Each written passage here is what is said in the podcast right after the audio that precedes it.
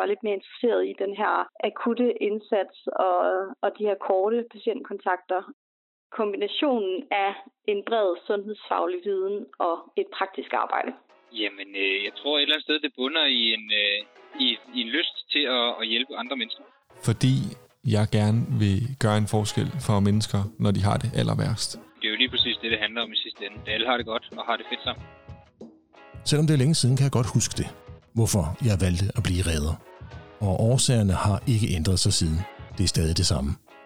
Jeg associerer ordet elev med noget, som jeg egentlig ikke tænker, som at jeg er. Jeg er elev, jo, fordi det, er, det hedder det, fordi det er en erhvervsuddannelse. Men, men ordets forstand elev, det lyder bare som en, der ikke kan noget som helst, synes jeg. Det kan være svært nogle gange, eller blive sat i elevboksen, hvis man kan sige sådan. Der er mange, der har holdninger om, at der er jo altid, hvad vi må og hvad vi ikke må, men, men, men det der med at blive sat i en boks frem for at være en kollega, det kan godt være svært. Og det har heller ikke ændret sig. Man skifter marker, for nogens vedkommende næsten hver dag. Og det er ikke alle, der er indstillet på at skulle køre med en elev, være instruktør eller mentor for en dag. Måske er det de mange mål, der står i den fordømte mappe. Måske er det eleven, der vil det hele på den halve tid. Eller måske aner vi ikke, hvor vi skal starte eller hvor vi skal slutte, hvis en dag med en elev skal blive en fed dag. Så hvordan kan vi gøre det nemt for os selv, både eleverne og dem, der skal undervise dem en enkelt dag eller flere? At blive kastet rundt mellem vogne og kollegaer gør ikke noget godt for kontinuiteten, og det er der bestemt nogen, der oplever. Og selvom sammenhæng og netop kontinuitet er med til at gøre et uddannelsesforløb godt, så er jeg sikker på, at jeg og Emil Jeg hedder Emil Meinerts Nielsen, og jeg er elev i Slagelse. sammen kan finde en måde, hvorpå alle kan gøre en dag på uddannelsesbussen fed og givende. Ikke mindst fordi vi får hjælp af en håndfuld andre elever, men dem møder vi først lige om lidt.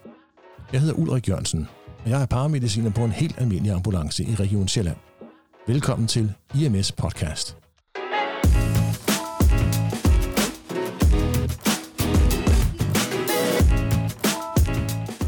Emil spurgte, om ikke det kunne være en idé at lave et afsnit. Ikke kun om at være elev, men om hvordan man fik en fed dag på ambulancen som elev. Hver dag. Jeg skrev det som sådan en idé til, du kunne lave, agtigt, og så, så sidder man her, og jeg, Ja. oh, ja, man skulle forberede sig og alt sådan noget. Det her. Ja, men det, det bliver et godt afsnit. Det bliver et rigtig godt og fint afsnit. Ja, sådan kan det gå. Og afsnittet i dag kommer ikke kun til at handle om, hvad vi som elev eller vejleder kan gøre for, at alle det er gode, men også om, hvilke udfordringer eleverne har, og ikke mindst, hvilke udfordringer vejlederne kan have. Jeg synes det her med, at jeg skulle acceptere at være okay med ikke at være skarpest fagligt, det synes jeg har været en udfordring. At jeg ligesom har skulle være okay med, at jeg bliver ikke den fagligt mest velfunderede redder i Region Sjælland. Men der er også mange andre udfordringer. Jeg hedder Sigrid, og jeg er 29 år gammel, og jeg er ambulancebehandler elev i Hovedstadens Beredskab. Jeg er uddannet sygeplejerske, og nu kører jeg som anden mand på station Frederiksberg. Jeg synes, det værste ved at være elev, det er, at det skal stå med kæmpe store bogstaver på min ryg. Jeg synes, det underminerer min autoritet i forhold til både lidt mine kollegaer, men også i forhold til patienter og pårørende, man møder. Det påvirker den tillid, man skal opbygge til dem. Elev, det lyder som noget fra en 9. klasse i mit hoved. Ikke en, der skal varetage professionel behandling på et højt sundhedsfagligt niveau. Jeg har tænkt en del over det, som Sigrid pointerer her. For hvorfor skal eleverne have et stort, fedt skilt på ryggen, der stempler dem som noget, der signalerer, at de ikke er på niveau, ikke er så dygtige som de andre, eller på anden måde kan give patienterne og pårørende utryghed ved at blive behandlet af en elev. Der står jo altid en erfaren redder bag ved eleven, som kan samle op, hvis der skulle ske noget. Personligt har jeg endnu ikke været ude for, at en elev har trådt så langt over stregen, at jeg ikke nemt kunne supplere og dermed korrigere. Det er ikke noget, jeg har spekuleret over før, men når nu Sigrid nævner det, så er det måske værd at overveje det yderligere. At pille elevskiltet af ryggen på eleverne og smække noget andet på, der signalerer tryghed og kvalitet i arbejdet. Chris øh, Johansen, jeg er ambulancebehandler elev øh, hos Falk i Region Hovedstaden. Kører lige nu fra station Hillerød. Det kan være svært nogle gange, eller vi sat i elevboksen, hvis man kan sige sådan. Der er mange, der har holdninger om, at der er jo altid, hvad vi må og hvad vi ikke må, men, men, men det der med at blive sat i en boks frem for at være en kollega, det kan godt være svært. Her er det min øh, kammerat Rasmus Lyng, der har fra at køre i Ambulance Syd, der har skrevet, Frygten for at møde ind og skulle køre med kollegaer, der ikke ved, hvad den nye behandleruddannelse indebærer, som tit føler sig som hænder og ikke bliver udfordret mentalt. Igen noget med ikke at blive taget alvorligt. Ikke at blive brugt som den ressource, en elev med sin viden frisk fra fad kan være. Er vi Og jeg ved godt, det bestemt ikke gælder alle kollegaer for selvfede. Og tror vi, at vi ved, at det hele har alle svarene? Jeg synes, i situationer, hvor at det bliver enormt præget af cowboy tricks og øh, jamen, sådan har jeg altid gjort, eller sådan noget, at man skal holde, når man skal ligge i PVK, så skal man bøje hånden på den måde, selvom patienten måske ikke synes, det er fedt, eller nogen, der bliver så, har så fast rutine, at det er bare sådan, det bliver gjort fordi det er hurtigere, eller det er lettere, eller sådan noget, hvor der så går noget læring i, at vi kommer fra et skoleeksempel, og skal møde praksis, kan man sige, fastlåset, at det bliver sådan meget rutinepræget, og meget, vi gør det sådan her, vi gør det ikke anderledes, fordi sådan har det altid været. Det er helt sikkert en del af udfordringerne, at vi, som alle andre, finder måder at udføre vores job på. Måder, hvorpå vi sikrer, at vi gør det rigtigt og gør det på en måde, som vi har det godt med. Det er helt normalt, og en gammel kendt konflikt mellem, lad os kalde det, unge og gamle. Men hvis vi prøver at anskue det fra det her synspunkt. Dem, der vil have ændret tingene til det bedre, til det, der fungerer bedre, eller til det, der giver et bedre resultat, er alle dage blevet mødt af modstand. Og gerne med argumentet, sådan har vi aldrig gjort før. Nej, vi har altid gjort sådan her. Den fejl har generationer før os lavet, og det eneste vi som vejledere og kollegaer til eleverne opnår ved ikke at lytte til dem, ikke at afprøve nye metoder og ikke bruge ny viden, er at vi laver den samme fejl, som vores vejledere gjorde før os og deres vejledere før dem osv. Der er ingen vej udenom. Lyt til eleverne. Brug dem som en ressource. Afprøv alt, hvad der kommer af nyt og anderledes fra eleverne eller andre bliver er den eneste måde, vi kan udvikle os på. Hvad er det værste ved at være elev? Tryk på pause. Tænk lidt over det. Uanset om du er elev eller ej.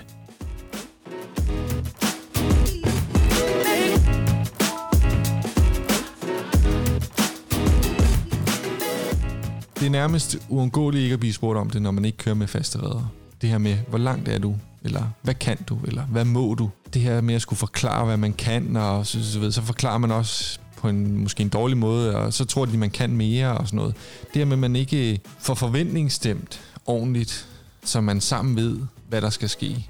Og man kan sige, det er overhovedet ikke et problem, hvis man kører med en, der er en fast. Men når man så kommer på den her tur, hvor man skal mødes i øh, midten af Sjælland, for at blive koblet sammen med en fra et helt andet sted, og man så ligesom har en fat i nogen, der overhovedet ikke kender en. Det er bøvlet.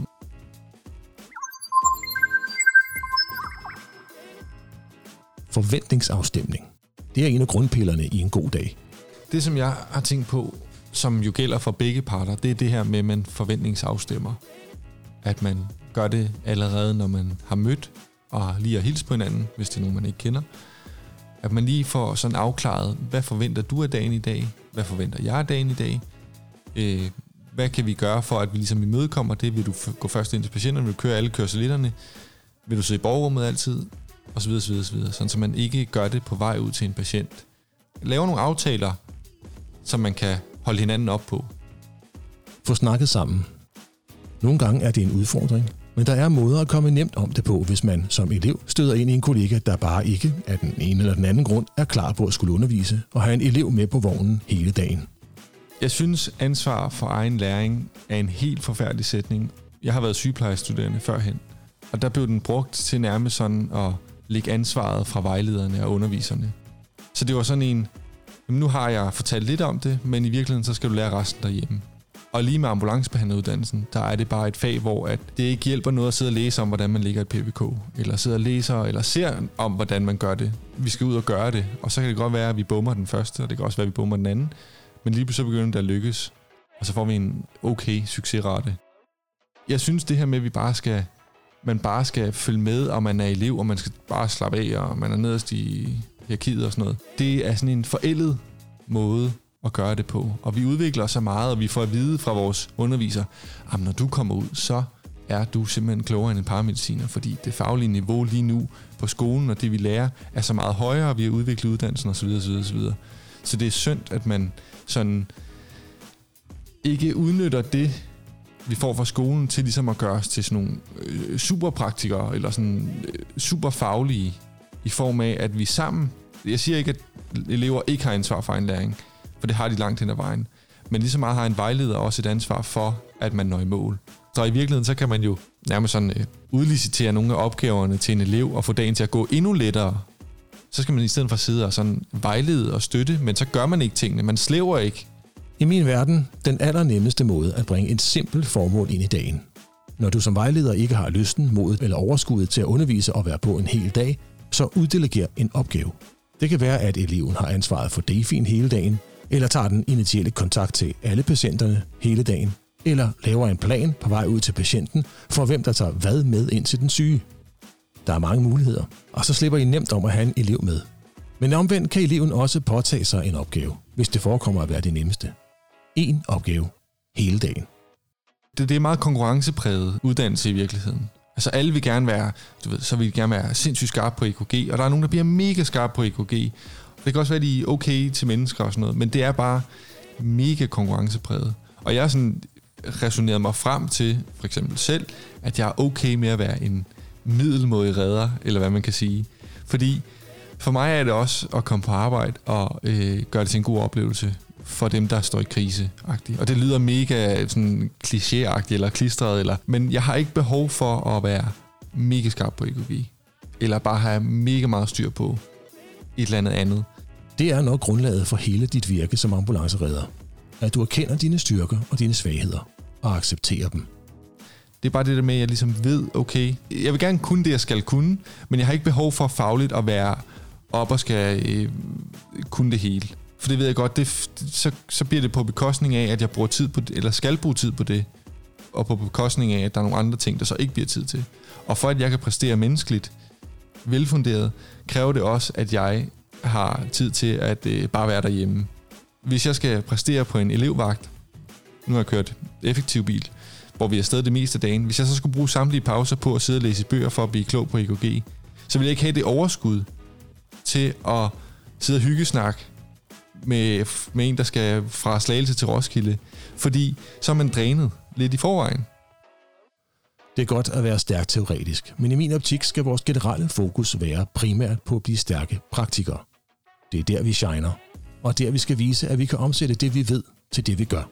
En del af vores fundament er helt bestemt et teoretisk niveau, der bliver højere og højere år for år. Men, og det er baseret på mine egne erfaringer, de danske ambulanceredere er især klasse stærke praktikere, fordi en meget stor del af vores nu mellemlange uddannelse stadig lægger meget vægt på at uddanne folk, der kan tage beslutninger og handle på dem.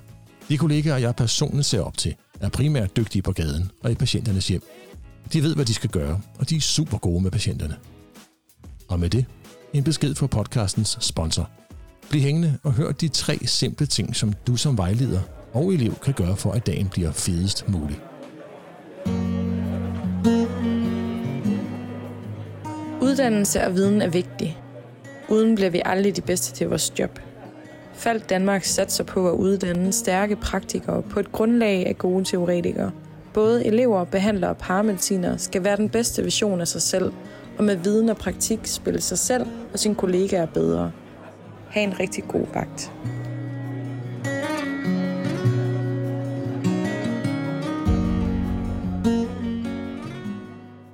Jeg har en teori om, at det meste af det, vi gør, gør vi for vores egen skyld. De åbenlyse ting, som at spise og drikke, giver sig selv, men også umiddelbart uselviske handlinger, hvor det i første instans ser ud som om, at vi gør noget for andre. Det selviske idé er, at vi som regel får det markant bedre selv, når vi gør noget for andre. Og så er der jo bare enorm karma i, altså at man har givet en elev en god dag, og man bliver, man bliver husket for det. Når man så ser personen på Slagelse sygehus, eller Køge modtagelse, eller hvad man nu gør, så husker man bare den her person, og er taknemmelig for, at, at de gjorde noget ud af det, og gjorde det til en god dag, og prøvede ligesom at udvikle, hjælpe til med at udvikle mig i den rigtige retning. Men også fordi vi skal huske, at alle de ting, en vejleder ikke gider, er lærdom og erfaring tabt for en elev. Der kan i hvert fald gå rigtig meget læring tabt, fordi vores fag er præget så meget af, at hændelser kan komme sådan meget adspredt. Så næste gang, så har vi skolen om apopleksi, og så kommer vi ud til en apopleksi med en redder, som ikke rigtig gider at sådan give mulighed for, at vi kan lære af det, og snakke det igennem, og hvorfor, og kan du ikke lige lave en neurologisk undersøgelse og sådan noget. Hvis det går tabt, så er der rigtig meget øh, praktik, der går tabt. Fordi vi får måske ikke en apopleksi i resten af praktikperioden. Hvorfor blev du elev? Tryk på pause og tænk over det. Også selvom du ikke er elev.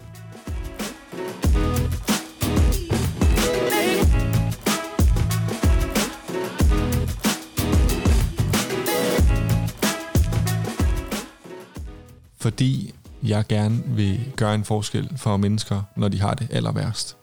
Hvor kort skal det være? Det var fedt. Okay. Yep.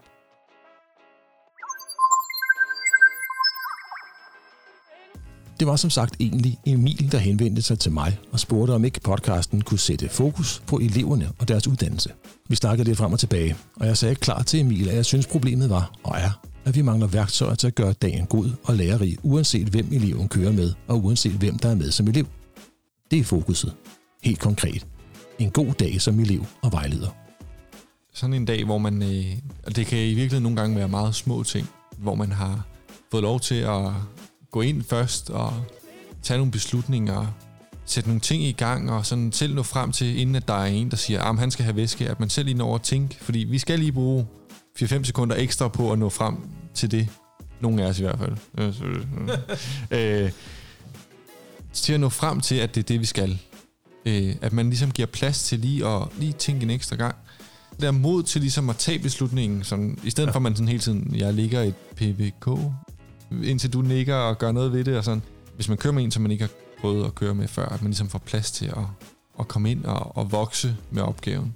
Og det er jo det, det er så praktisk orienteret, det her fag, at, at det der med at få lov til at vokse med opgaven, og sådan i takt få mere og mere ansvar og mere tillid og sådan noget, det gør også bare, at man selv vokser, og det gør bare, at man går hjem efter en dag, hvor man har fået vist det, at man tænker, det bliver godt. En ting, det er, hvis jeg oplever, at den tilstedeværelse, jeg har haft, har gjort noget bedre for patienten. Altså om det bare er, at de har haft en god oplevelse, eller om det, vi reelt har gjort i behandlingen, har givet dem et bedre outcome.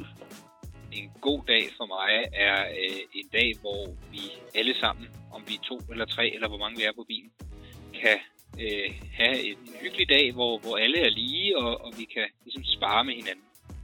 Som jeg ser det, er der tre nemme ting, elever og vejledere kan gøre for at hjælpe hinanden. For det første, og det er nok grundlaget for en dag, generelt, så aftal om morgenen, hvad der skal foregå. Det behøver ikke at være en større eksistentiel samtale om livet og de store ting, men bare nogle få ord, så aftalerne er på plads. Man gør også det nemt for dig selv. Og det er det andet. Det nemmeste er at uddelegere en opgave til eleven. Tag ansvaret for, eller som vejleder, giv ansvaret for en bestemt opgave og fokusere på den hele dagen.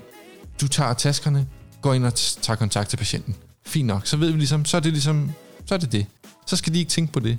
Og når der er forflytninger, så er det dig, der går til. Men vær ikke rigid. Det vil sige, husk på, at eleven er en del af holdet, og er ikke som sådan begrænset i noget. For det tredje, når en elev kommer med sin mappe med alle målene i, så mist ikke modet. Hverken når du som vejleder ser den lange liste af mål, eller du som elev ser det trætte udtryk på kollegaens ansigt. Vælg én ting på listen, og have det med hele dagen. Måske har du som elev forberedt dig på dagen, og allerede på forhånd udvalgt en enkelt ting. Skulle vi falde over noget andet, der også står på listen, så giv også det lidt opmærksomhed. Men fokuser på én ting. Så man må arbejde på en eller anden måde på, at man får lavet noget, man får, man får skabt noget tillid mellem hinanden, at man lige lærer hinandens navn, og man lige får snakket lidt sammen, og forventningsafstemt og alt det her. Der er det et eller andet sted også bare en vejleder eller en, en, en endags vejleders vigtigste opgave at give mig noget selvtillid til at tør tage de beslutninger. Det er stof til eftertanke til både vejledere og elever. Kære elev og kollega, vær modig, hvis du kan. For det kræver mod at stille spørgsmål til det, du ser. Er du ikke den modige type, så prøv at finde en anden måde at få svar på. For du skal stille spørgsmålene, hvis der er noget, du ikke forstår eller ikke er enig i. Tag snakken og tal pænt.